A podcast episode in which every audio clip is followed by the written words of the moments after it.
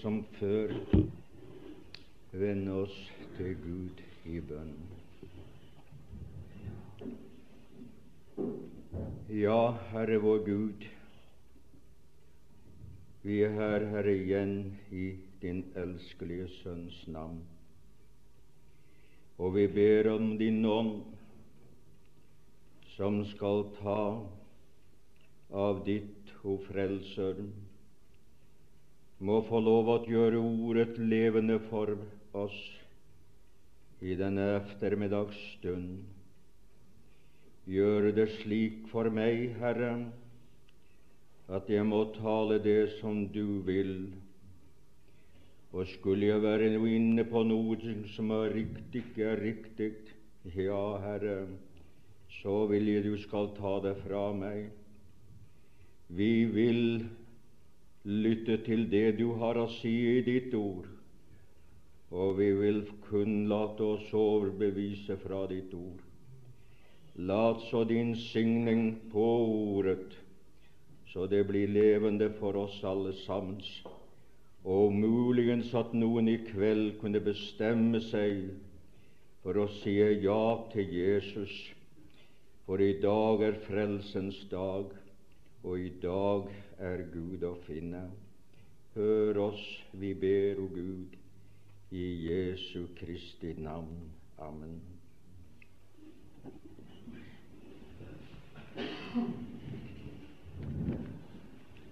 Det vi nå skal tale i kveld om, det er i virkeligheten et meget alvorlig emne. Og det er jo beretningen i Matteus 25 om det fem kloke og det fem uforstandige jomfruer. For dårlig i virkeligheten betyr uforstandig, ufornuftige jomfruer. Og vi skal nå lese det med hverandre slik som at de har den i den greske oversettelsen.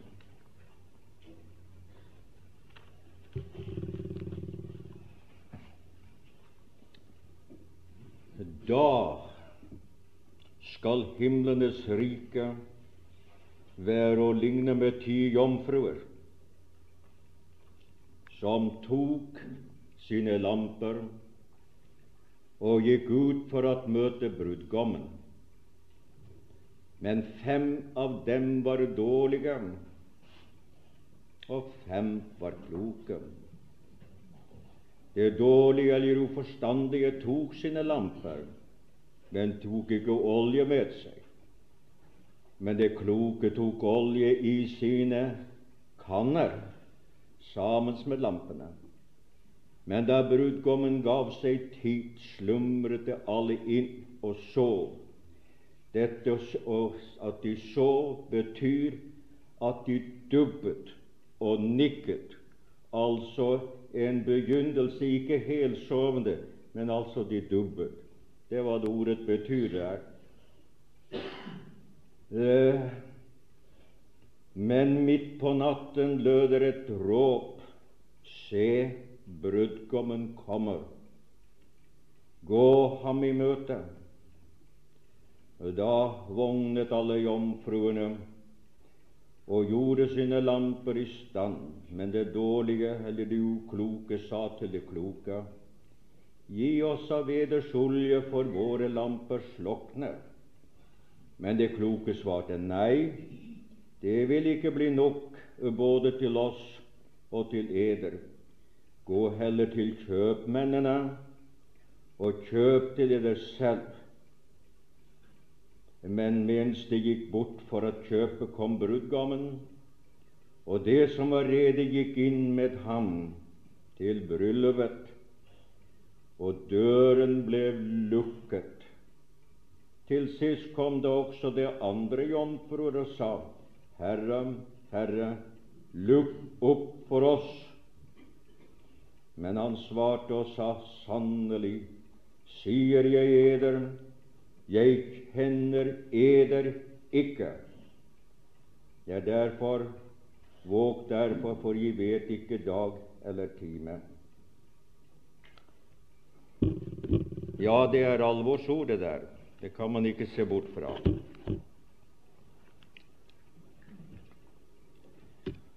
Beretningen er jo så godt kjent. Og det skal så visst sies dette at det blir predikt ikke så lite over det, og mange ganger i tid og utide.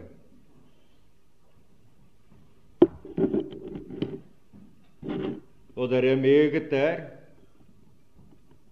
som man kan ta til inntekt. Men når det er spørsmål om Guds ord, så er det to ting man må være klar over. Og det er tolkningen og anvendelsen. Tolkningen skal være én, vil si den mening som Herren la i ordet. Anvendelsen kan være legio. Den kan være så mangfoldig, for ellers ville det jo være store deler av Skriften som ikke vi fikk noe nytte av hvis ikke vi kunne få lov å anvende det. Men det er ikke det samme som tolkning.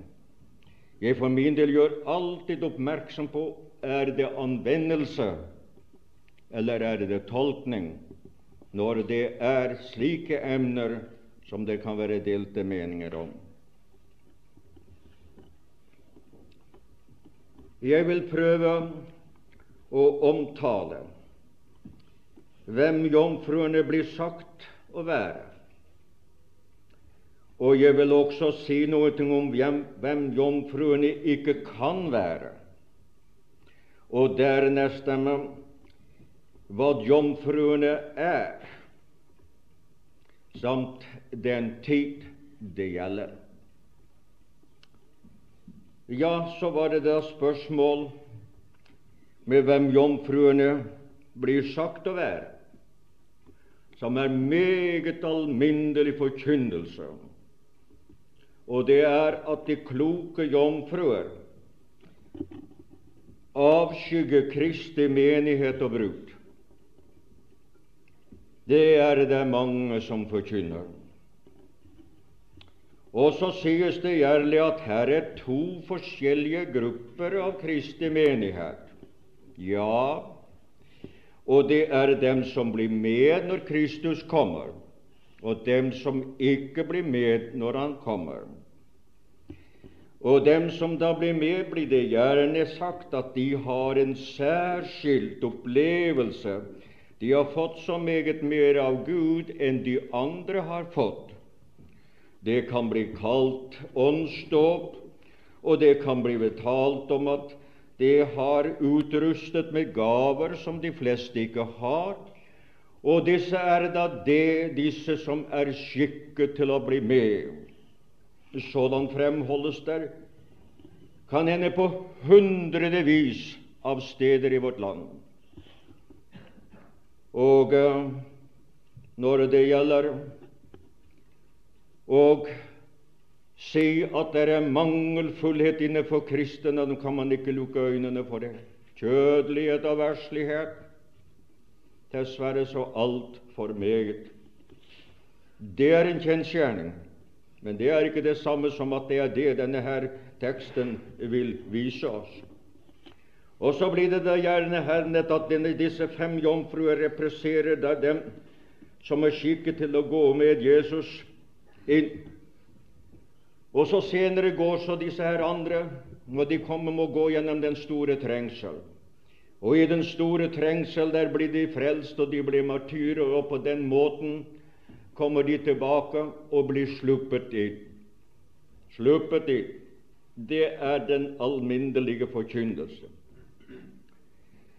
Og således blir da det uforstandige jomfruer erklært å være de kjødelige navnkristne, og at det er masse innenfor over en mil, million kristne i verden i dag med ca. 600 millioner katolikkere, så må vi forstå dette. Og det er i den såkalte kristne Europa, hvor også Russland er regnet med, hvor alle som er døpt, enten det er med meget vann eller lite vann, figurerer i statistikken som kristne. Innenfor denne gruppe, denne mangfoldighet, er det gudskjelov mange som er frelste. Men det er altså påstandene. Og så vil vi Hva skal vi så si til dette? Ja, jeg har lyst til å si dette at jeg protesterer mot den tolkningen. Og jeg tror at jeg kan bevise at den tolkningen er gal. Ikke at situasjonen i verden er slik blant navnkristne, men å bruke disse ord for og denne avsnitt for å vise det, det er galt. Jeg skal prøve å påpeke dette, at det er mange, at vi har mange kildebeviser. Det er altså grunnspråk som motbeviser påstanden. For det annet, der er mange tidsangivelser, det er meget av tidsbevisangivelse som viser at påstanden er uriktig. Og der er meget av tildragelser som viser at tolkningen, at meningen i påstanden er uriktig. La oss da forsøke å komme til saken. Jeg glemte visst det, det testamentet der. Takk for det. Først vil jeg da ty til kildeskrifterne. Og kildeskrifterne, det er den greske. Det er vulgata. Det er Sanaitikus. Det er Pesitoen. Det er Alexandrine. Og det er den koptiske. Og så over 2000 større og mindre fragmenter som vi har, og disse kildeskrifter. Nå kan jeg bare ta en del. La oss nå ta noen av kildeskrift. Det er for det første det kildeskrift som kalles Vulgata. Den oppbevares i Rom. Det er den latinske bibelen. Den er oversatt fra av av kirkefedrene. Men står det? Den lyder da slik Nå skal jeg sitere det. Jeg har dem. Jeg har to av dem. Jeg har, Det er bare en av dem som jeg nå nevner her, som jeg ikke har personlig, altså som oversettelse. Hva står det da i dette kildeskrift? Da skal himmelriket bli lignet med ti jomfruer som tok sine lamper og gikk brudgommen og bruden i møte.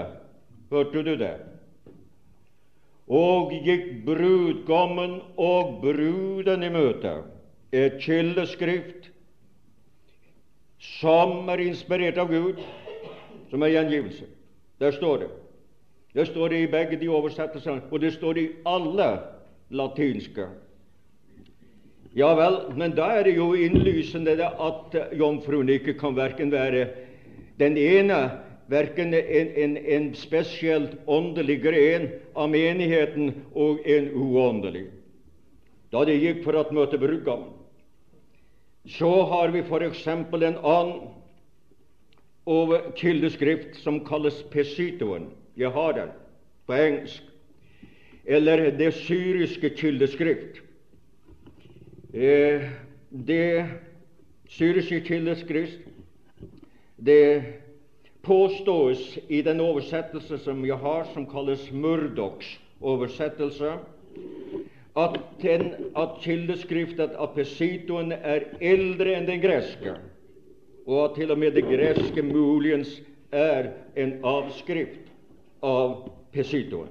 Det er ikke jeg kompetent til, at, til å avgjøre. Men jeg skal se, notere for det, nevne for dere hva det står i det skilleskrifter.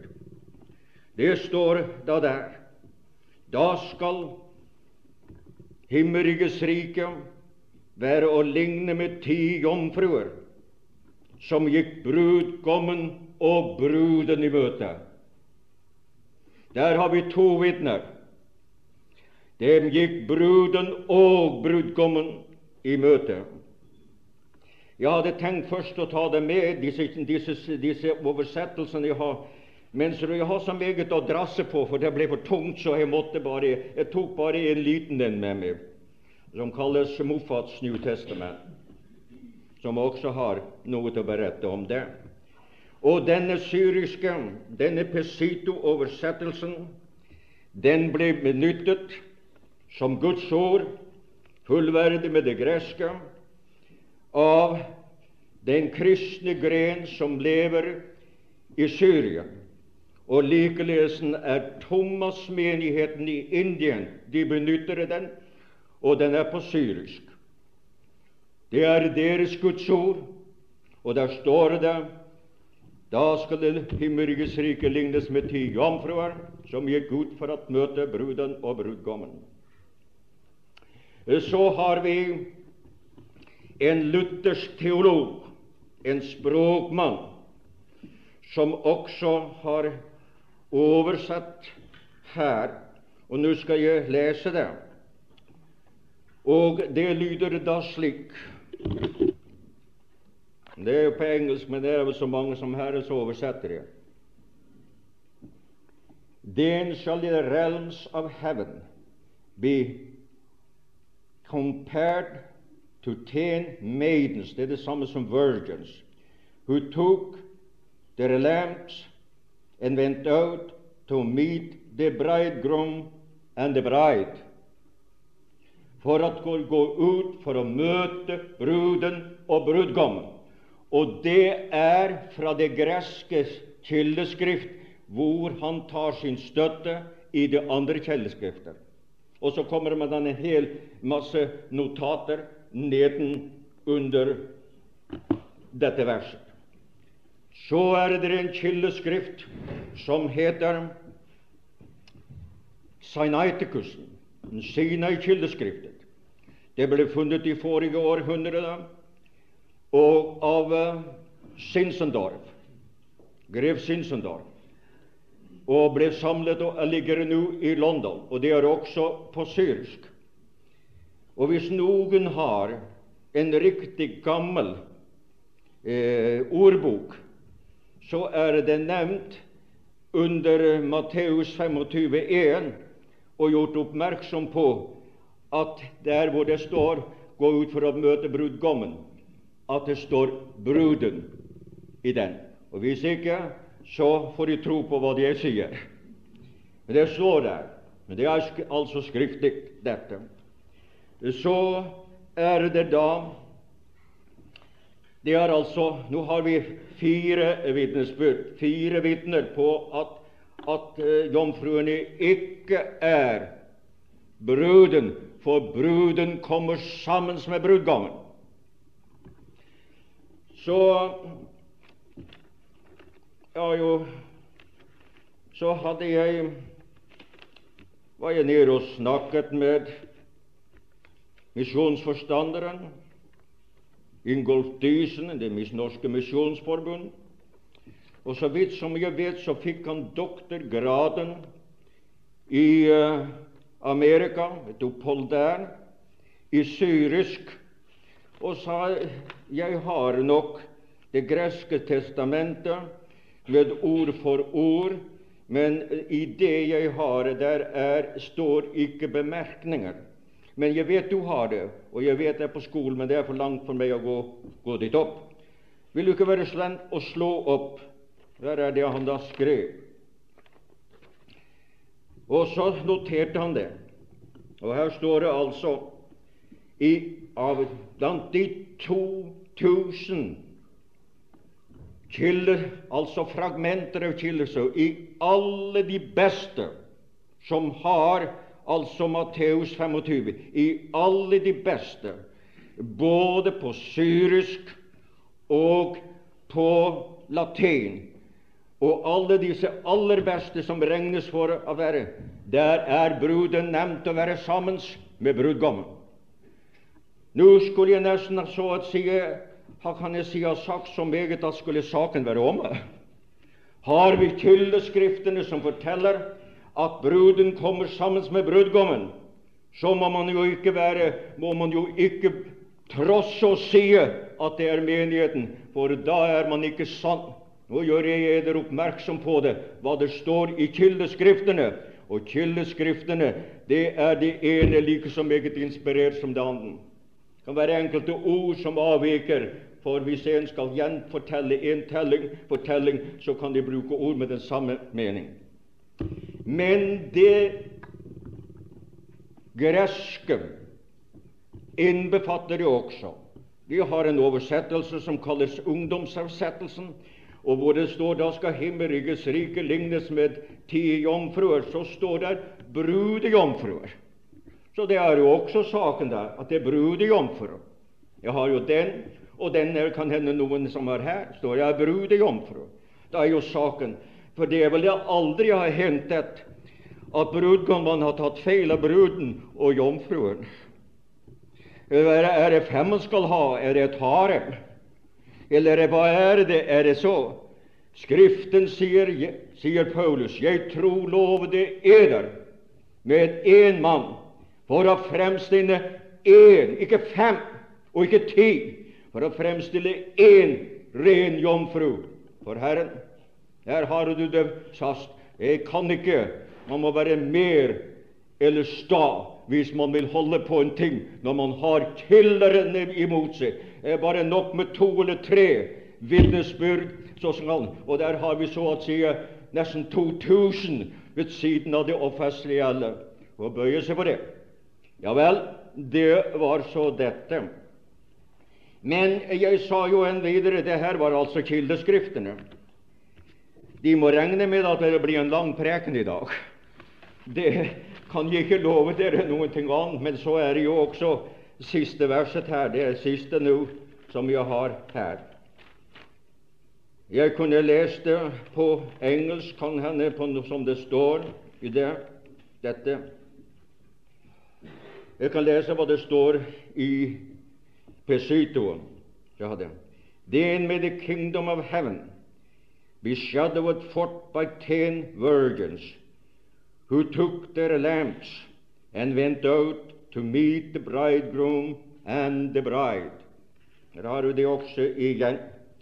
Men vi skal gå enda litt lengre enn en dette. Jeg sa jo det at vi har andre beviser enn det som jeg her har nevnt.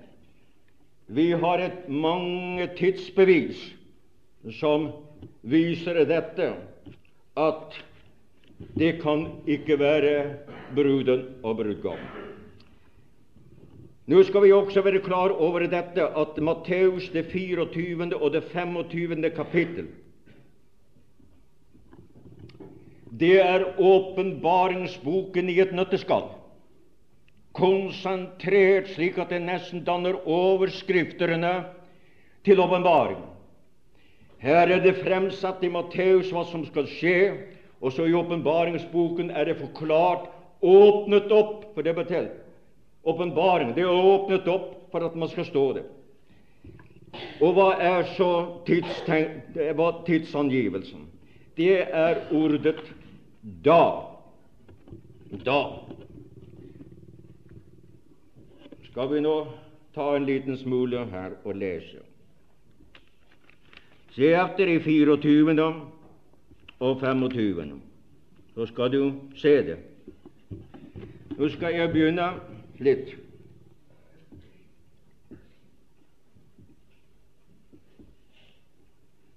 Og da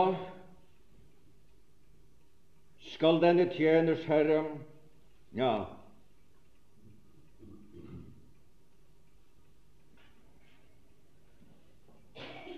Og da skal menneskesønnens tegn vise seg på himmelen, Og da skal alle jordens slekter jamre seg, og det skal se menneskesønnen kommer i himmelens skyer. Og så fortviler. Vi må være klare over at, at da det begynner med da, det er denne her som er omtalt i det 24. kapittel, gjelder trengselstiden. Og menigheten er ikke der. Den er frelst for trengselen. Det er beskrivelse av forhold i trengselen. Og jeg vil bare nevne her er omtalt i disse to kapitler 19 ganger en tidsangivelse med da, sikter til den samme tid. Og hver eneste en av disse tidsavgivelser, 19 stykker, 9 i det 24. og 10 i det 25. gjelder just den avsnitt som efter min mening er David, er Daniels 17.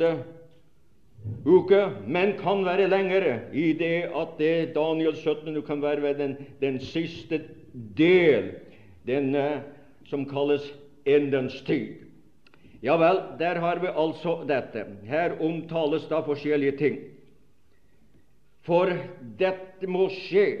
Her omtales tiden, og, og den kalles endens tid. Og endens tid og det lyder slik For dette må skje, men enden er ennå ikke, står det i det sjette verset, det 24. Dem som holder ut inntil enden, skal bli frelst eller bli reddet. Og dette er ikke enden på nådens tid, for nådens tid varer helt til slutten av tusenårsriket. Men det er, det er ikke nådens husholdning. Ingen blir frelst utenpå bare nåde. Ja. Så det er forskjell. Det er enden av hedningenes tid som er her å tale om. Den opphører nemlig ved dommen over Antikrist. Det er endens tid, og da er det sluttfasen på syv år som der er. Nå, ja Vi har mange Jeg skal ikke bare men lese gjennom alle disse 19 da, da, da, da, da, da, som er en tidsangivelse, og som alle kommer inn efter at menigheten For menigheten er i realiteten kun nevnt en eneste gang i Matteus, og det er at 'jeg vil bygge min menighet, og helvetes porter skal ikke få overhånd'. Og den er bare hentydet til én gang, og det er med beretningen om den kostelige perle. Og vi vet hvor den kommer fra. Den kommer fra havet.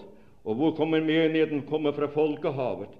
Og det er ikke vi som solgte ut for å få Jesus, for vi er bankerott. Altså, hva kan en, en som ingenting har?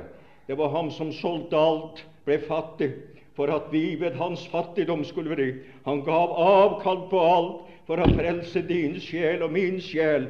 Og det er de to steder i Matteus hvor det er. Og hadde vi ikke mer enn Matteus evangeliet, så ville vi ikke engang vite at Jesus var kommet til himmelen. Hvorfor? For kongen må være i riket.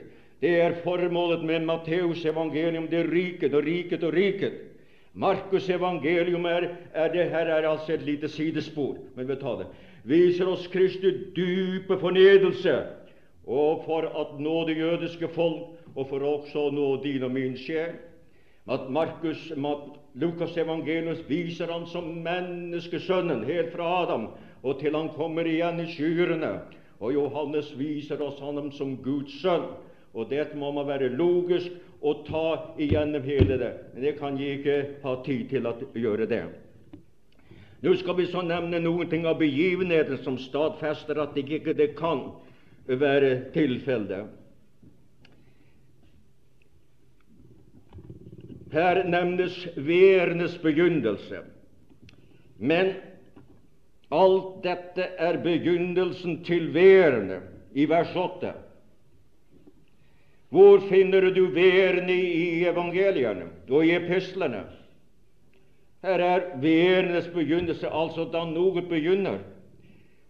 Når du så slår opp i åpenbaringsboken, så finner du at værene kommer ikke før i det åttende kapittel.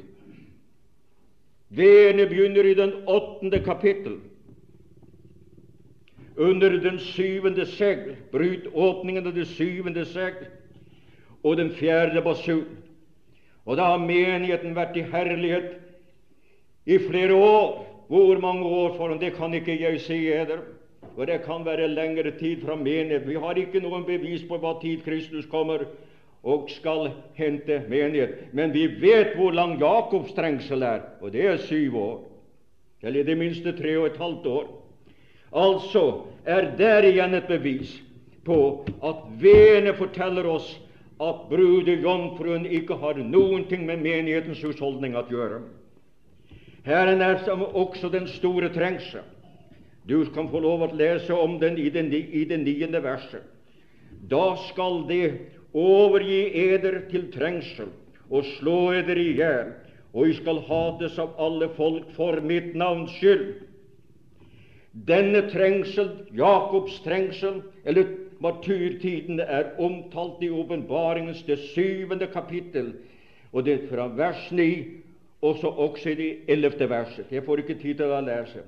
Det er martyrskaren, en skare som er så stor at ingen kan telle. Det er det det sikter til. For som jeg sa før, disse to kapitler, det er så å si åpenbaringen i konsentrert form for at vi skal få åpningen i, det, i denne siste bok. Der har vi altså dette. Her er også omtalt dyrets bilde, og det vil du finne i det 15. vers. Når du ser Når I ser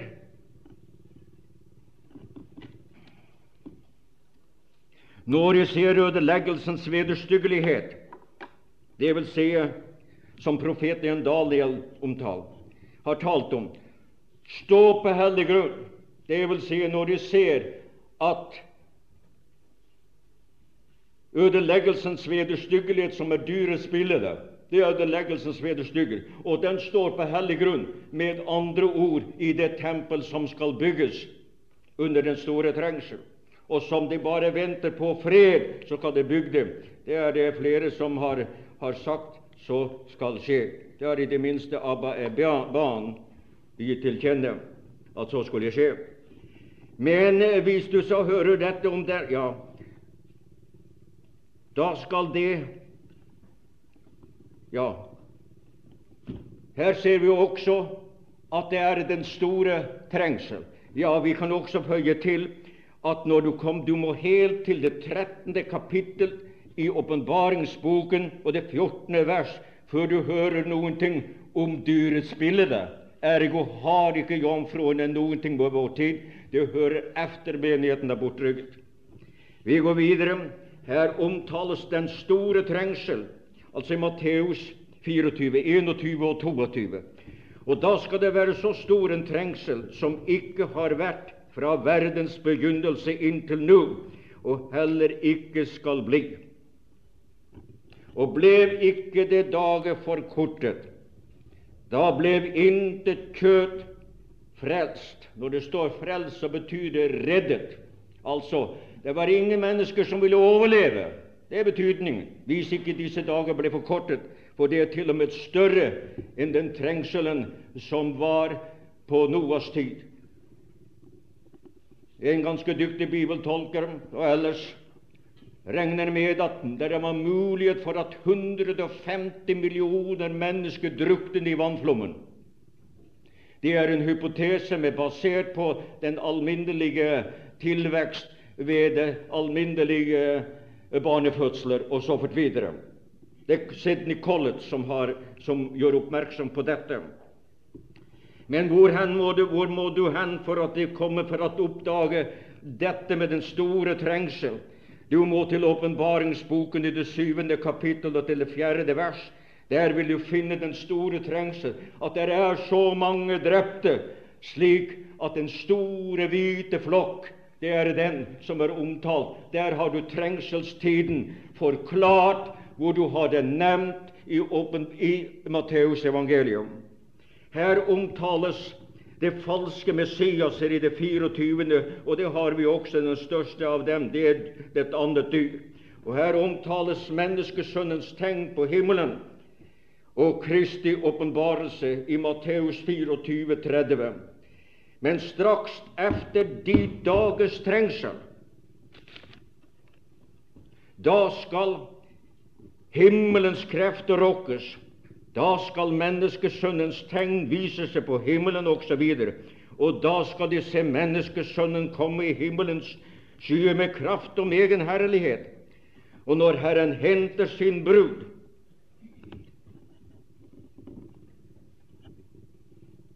da er det ingen som ser ham.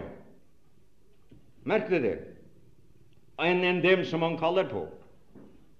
Når han åpenbares, skal alle se ham. Så stor forskjell er det. Ja. Men her skal de se menneskesønnens tegn.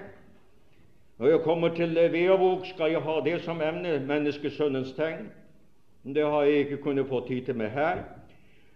Og der fables det noe kolossalt. Så hadde jeg sett korset her, og så hadde jeg sett korset der. Jeg skal si de at isbjørnene på Nordpolen ser det rett ofte. Og hva nytte har, har de av det? Men eh, eh, jeg bare gjør det sånn en passant. Her nevnes også for tiende gang da når det er spørsmål om brudejomfruen. Det går i samme rekte, bare det at det første du hører, det er begynnelsen. Og så føres det vid. Med andre ord, du føres helt frem til avslutningen av den store trengsel. Da er det at du hører om brudejomfruene, at de eh, kommer, venter på dem, på, på brudgommen. Nå, Det var også to ting vi har hovedtrekk vi har tatt. Nå skal vi ta en tredje ting for å stadfeste det. Hvem er da jomfruene? Det krever svar. Det kan jo ikke være menigheten fra pinsedag til Kristus kommer igjen, eftersom at alle kildeskrifter stadfester at er at bruden er med brudgommen. Og Da kan det jo ikke være tale om dette. Ene videre disse jomfruer er bare av jøder som blir frelst under den store trengsel. Bare jøder.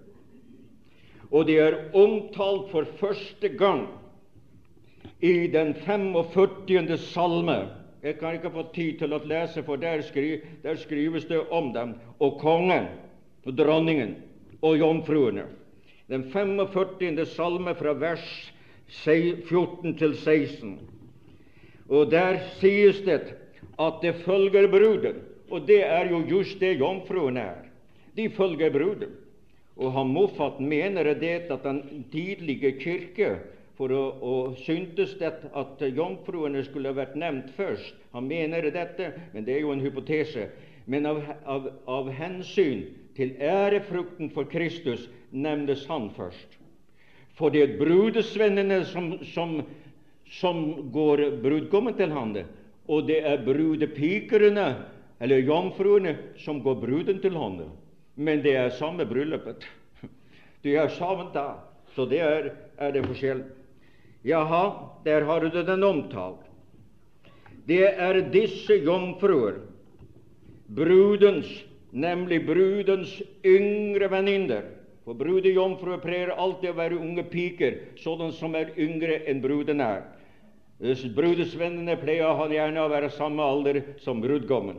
Det hadde vært, er det i Orienten, det er det her også, alle andre steds. Enten det er i Orienten eller Oksidenten eller hvor som helst, så er det en skikk der. Det er disse jomfruene som brudens yngre bekjentskap Eh, som er de fem kloke jomfruer. Fem, det er et menneskelig tall. Det, og det er under trengselen at de venter Messias mot slutningen av trengselen. Og disse jomfruene er nevnt to ganger ja, tre ganger. Én gang i den 45. salme, i den 45. salmen, en gang av Jesus i det 24. Matteus, og to ganger av Jesus i åpenbaringsboken. Disse jomfruene er to ganger nevnt i åpenbaringsboken. Det er de 144 000 beseglet av Israel. Tolv stammer kjent av ham. Det er dem som er, de, er disse jomfruene. 110 står alltid for ingen mangel. Ti jomfruer, intet mangler, verken av de fem eller av de andre fem. Og 10 000 beseglede av hver stamme. Alt er inkludert. Det er dem som blir frelst under den store trengsel. Det er av jøder, vel å merke. Og som Herren besegler, slik som Antikrist besegler dem som Eller dyret besegler et annet dyr besegler dem som tar dyrets merke på seg. Så Det er altså motsetningen der. Med andre ord Israels tolvst av Israels tolv stammer. Og det er første gang nevnt, disse jomfruer nevnt første gang i kap kapittel 7, fra vers 3 til 4.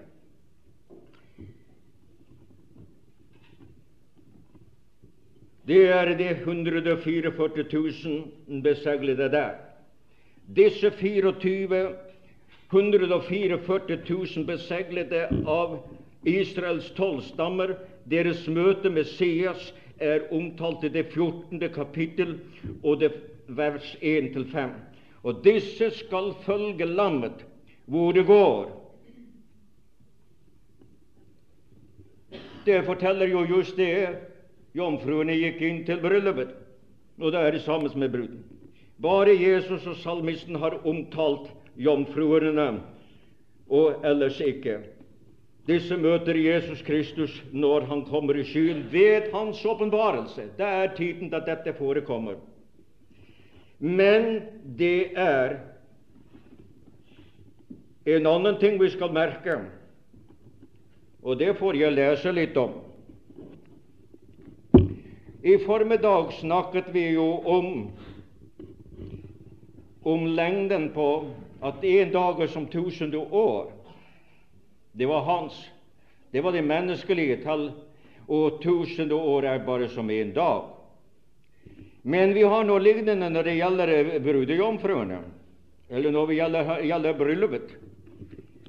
Og nå vil jeg gjerne ta dere med der. Det blir jo alminnelig sagt at bryllupet er helt overstått når Kristus kommer igjen. Jeg har spurt flere dyktige predikanter kan du bevise det. Så skal jeg tro det, men hvis du bare har det, så er det et kart som har sett. Ja, det er flere hvor det står Der sa jeg til, til noen der Vær så vennlig å slå opp og se på det kartet og se om du finner bruden der. Nå, de var bare ikke nevnt der, og måtte medgi det. Nå, nå skal du få høre hva det som står i, åpenbaringen vi holder oss til åpenbaringen. I slutningen av åpenbaringen Da er, har menigheten vært hjemme. For hva det er Kristus kommer? Han kommer jo for å hente sin brud. Det er jo derfor han kommer. Og da er det jo alminnelig at bruden må hjem til Faderhuset. Og det er jo det vi skal. Vi skal til hjem til Faderhuset. Og skulle jeg si at selve bryllupsseremonien holdes der, og bryllupsfesten holdes én dag, sett fra himmelens regnestykker. Og er tusen menn bruden feirer lammet, og bruden feirer bryllup. På én Guds dag er det tusen fredsår for menneskene på jorden. Ja, nå har jeg kommet med påstand. Kan du bevise det? Det er just det jeg skal. Og når du gjør det, så får vi bøye oss for det som jeg kan bevise.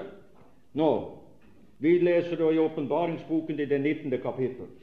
Vi leser fra det sjette kapittel, sjette vers til det 9. Og jeg hørte like som en lyd av en stor skare, som lyden av mange vann, og som en lyd av sterke tordener, som sa halleluja, for Gud Herren den allmektige har blitt konge. La oss glede og fryde oss og gi ham ære, for lammets bryllup er overstått. Ja, Men er det ikke slik det er? Det blir ofte blir predikt. Lammets bryllup er overstått, da. Jeg kan finne flere kommentarer hvor det står. Og jeg har hørt det forkynt mange ganger. Men det står nå bare ikke slik. Lammets bryllup er kommet. Og det er datid istedenfor fortid. For lammets bryllup og hans brud har gjort seg rede. Ja, det trenger man med at en brud har gjort seg rede i det øyeblikk at hun regner med å bli gift. Da, hun, da har hun gjort seg rede. Her er. Og det her er ved slutningen der efter hans åpenbarelse. Eller han har blitt konge. Altså ved slutningen da menneskesønnen kom. Og hans brud har gjort seg rede, og det er gitt henne å kle seg. Og Jeg skal tro hun har en fin klededrakt, det pleier jo gjerne å ha det beste det da kan være en vakker brud. Og det er henne gitt seg å, å kledde seg i rent, skinnende, fint lin, for det fine lin er det heller rettferdige stjerner. Og han sa til meg, skriv, salige er de som er innbudt til lammets bryllupsnadvær. Pleier man å sende innbydelse til bryllupsgjestene etter at bryllupet er over? Ja, Det for å tenke over det. Det er ikke alminnelig skikk, det, det vi har vår Herre heller ikke som er innbudt. Her begynnes festen. Det er ikke så sjelden av brud og brudgom at det er bryllup som får hvor de bare nærmeste er til stede. For at det skal være riktig høylighet, og så når at eh, bryllupssalene blir hvor at festen skal, så kommer gjestene. Og Jesus vil ha sin brud sammen med seg og lede i herlighet. Han vil ha henne hos Faderen. Han vil ha henne under Åndens velsignelse, som av ingen andre skal se det vidunderlige samfunn som oppstår når han forenes for evig med sin blodkjøpte brud. Og da må de andre få lov senere, for da kommer han ned henne til jorden, for han skal jo være, han skal jo være fredsfyrste på jorden. Ja, og da skal lammets bryllup komme, og hans brud har gjort seg rede. Og det er henne gitt å kle seg skinnende fint lin, og det fine lin er det helliges rettferdige stjerne. Og han sa til meg, skriv, salig er det som er innbrutt til lammets bryllup. Og han sier til meg, dette er Guds feilaktige ord. Står det slik? Nei, det står jeg veldig glad for. Dette er Guds sanne ord. Altså er det sant at ved slutten av trengselstiden, da begynner lammets bryllup. Vielsen har gått for seg der herlighet, men nå skal det feires. Og jeg har vært med på tre dagers bryllup, men jeg, har, men jeg skal bli med på tusen års bryllupsfest. Det er Hvem kan prestere det? Det er bare ham som er, er Guds sønn og den himmelske, mens verden har glede. Jeg har alltid båret meg imot at det skulle, bryllupet skulle være feiret i himmelen, og der skulle det ha glede, og der skulle det ha jubel. Mens verden død var under Satans makt, under Antikrist tyranni, og den blodsk, at verden var full av blod, martyrer efter den ene. Jeg har båret meg imot. Men når det er kommet fred på jorden, så er det fred på jorden, og så er det glede. Harmoni mellom himmelen og på jord. Det er helt forståelig at det skulle være. Men, mine venner, hvor lenge er en brud Nei, hvor lenge er Hva er en brud på, på sin bryllupsdag? Dagen før er hun trolovet. Det er det vi er nå. Vi er trolovet. Vi reiser derfra for å bli brud, og med brud hører et bryllup. Men på bryllupsdagen er en kvinne to ting. Hun er brud så lenge som at hun går, mens hun går opp til alteret, for å bruke illustrasjonen. Men når det er velsignet, da er hun både brud og hustru. Fra det øyeblikket er hun hustru. Og det er hun bare én dag.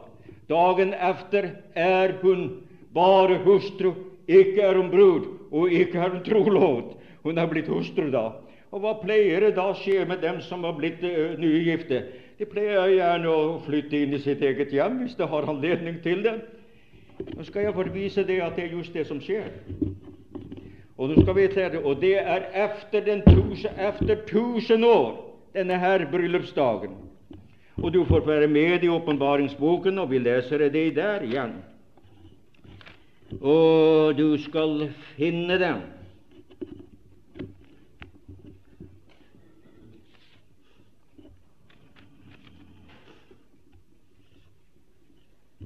Vi leser i det 21. kapittel. Og en av de syv engler som hadde de syv skåler fulle av de syv siste plage, kom til meg og talte med meg og sa:" Kom, jeg vil vise deg bruden, lamshustru. Bruden. Og dette er efter tusenårsriket. Og dette er efter at denne jord er gått opp i flammer. Elementene skal komme i brann, og jorden skal oppløses, og alt det som er på den, skal brennes opp. Men se, jeg kjøper en ny himmel og en ny jord. Altså, ved slutten av dette, da det er bryllupsdagen, da drar de til det nye hjem. Og det nye hjem er den nye himmel og den nye jord. Den nye jord. Jeg vet jo at det tolkes også annerledes på det området.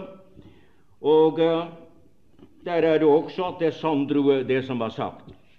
Nå ja, da har vi nå Tror jeg at jeg har slått det fast. Nå, hva er det da som er alminnelig et bryllup? For det første en trolovelse. Og det er vi er trolovet med Jesus.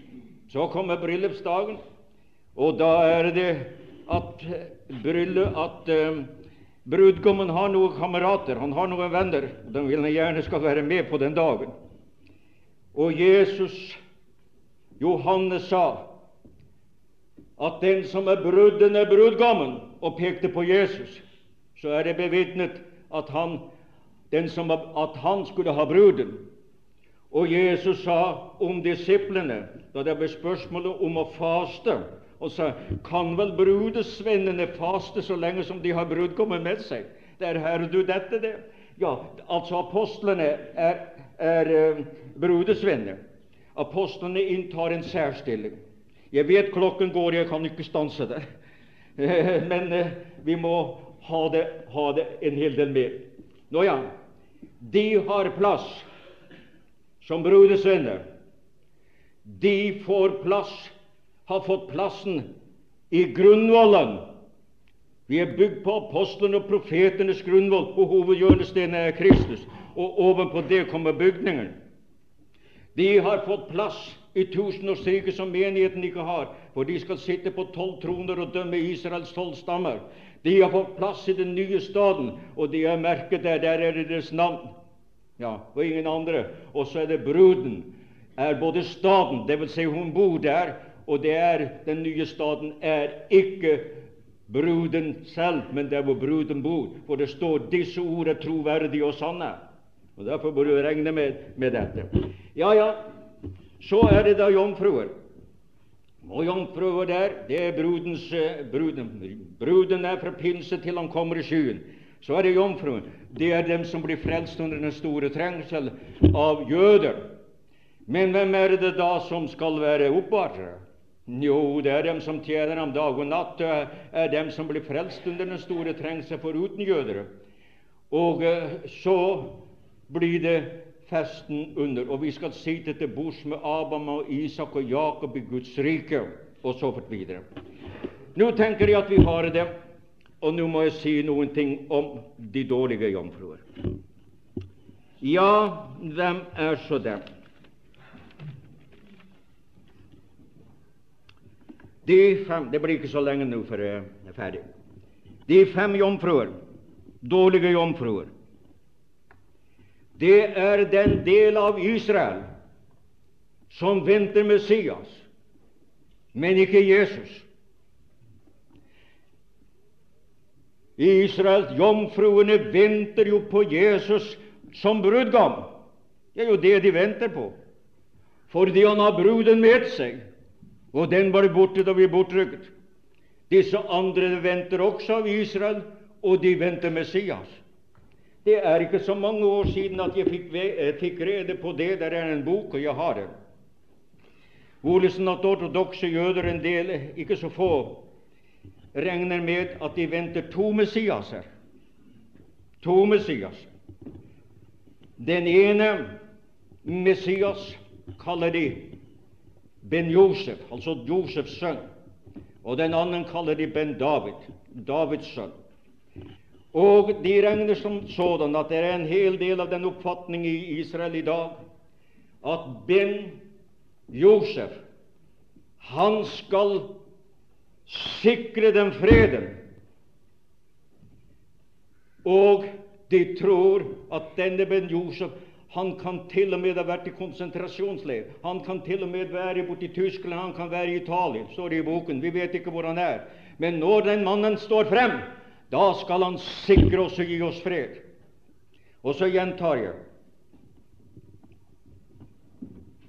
hva jeg sa, tror det var i går, at Abba Eban ble spurt av en ordets forkynner hva er Israels største fred? Største behov, det er fred. Og at han tilføyde og sa at dersom den mann som de kristne kaller for antikrist, kunne garanteres oppstår og kan garantere oss fred, vi aksepterte ham. Da gikk det omtrent som en, en sjokk gjennom meg, men også en forklaring over hvordan forholdene er.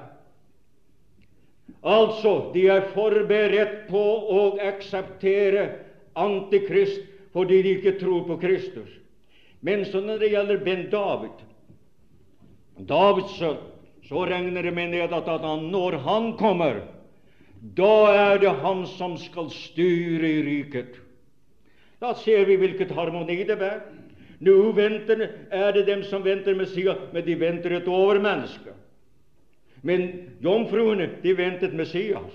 De fem, de ventet, fem kloke de ventet Messias. De annet ventet bare et overmenneske, og det er Antikrist.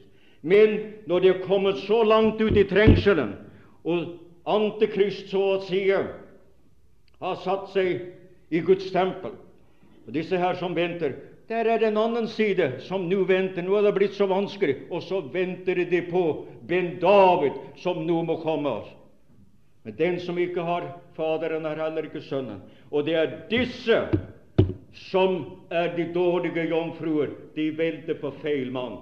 Og hva tid er det at Israel skal få øye på Jesus når han kommer og at de får se ham i sin fars herlighet og merkerne, og de skal gråte sårt, og de skal sørge sårt over ham. Da er det at den blir virkelig frelst. Men da er to tredjedeler av det jødiske folket i Palestina eller i Israel tilintetgjort, ifølge Sakarias. Jeg tror det er i det tolvte kapittel. Sakarias det trettende kapittel fra vers 8 og 9, hvor det er omtalt. Så der har du altså utviklingen i tiden som det er. Men da er Kristus kommet. Nå har jeg prekt lenge på dere. Jeg håper ikke det har vært for lenge. Og jeg håper også, mine venner, at det må være klinkende klart for den som vil tenke, at når kildeskriftene som vi bygger på, nevner det avgjort at bruden er sammen med brudgommen. Da må man bøye seg for sannheten og heller trekke tilbake det syn man har hatt hvis man ikke har Det måtte jeg nemlig gjøre. Jeg har nemlig ikke noen interesse av at, at tro på det som ikke jeg får det til å stemme i Guds ord. Jeg ville heller ydmyke meg og si at jeg har tatt feil. Man kommer ikke lenger at man behøver at erkjenne seg at man er ufullkommen, så det er naturlig at man, at man kan ta feil. Nå ja. Men så er det den alvorlige situasjonen. og jeg kan bruke anvendelsen. Er vi frelst, alle her? Har du Den hellige ånd? Er det noen som er innbilt i at du er Guds barn uten å være det? Jeg var jo innbilt å være Guds barn, men jeg ble det i 1911,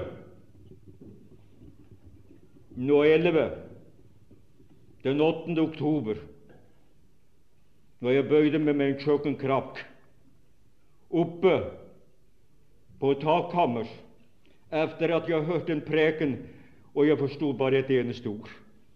Korteste preken jeg noensinne i mitt liv, men det var nok. Og det var hver gang mannen nevnte, predikanten nevnte Jesus. Jesus. Det er ham du trenger, unge mann. Og så krøp jeg i støvet, og gudskjelov, så åpnet jeg min bibel, og det skal skje at verden som påkaller Herrens navn, skal bli frelst.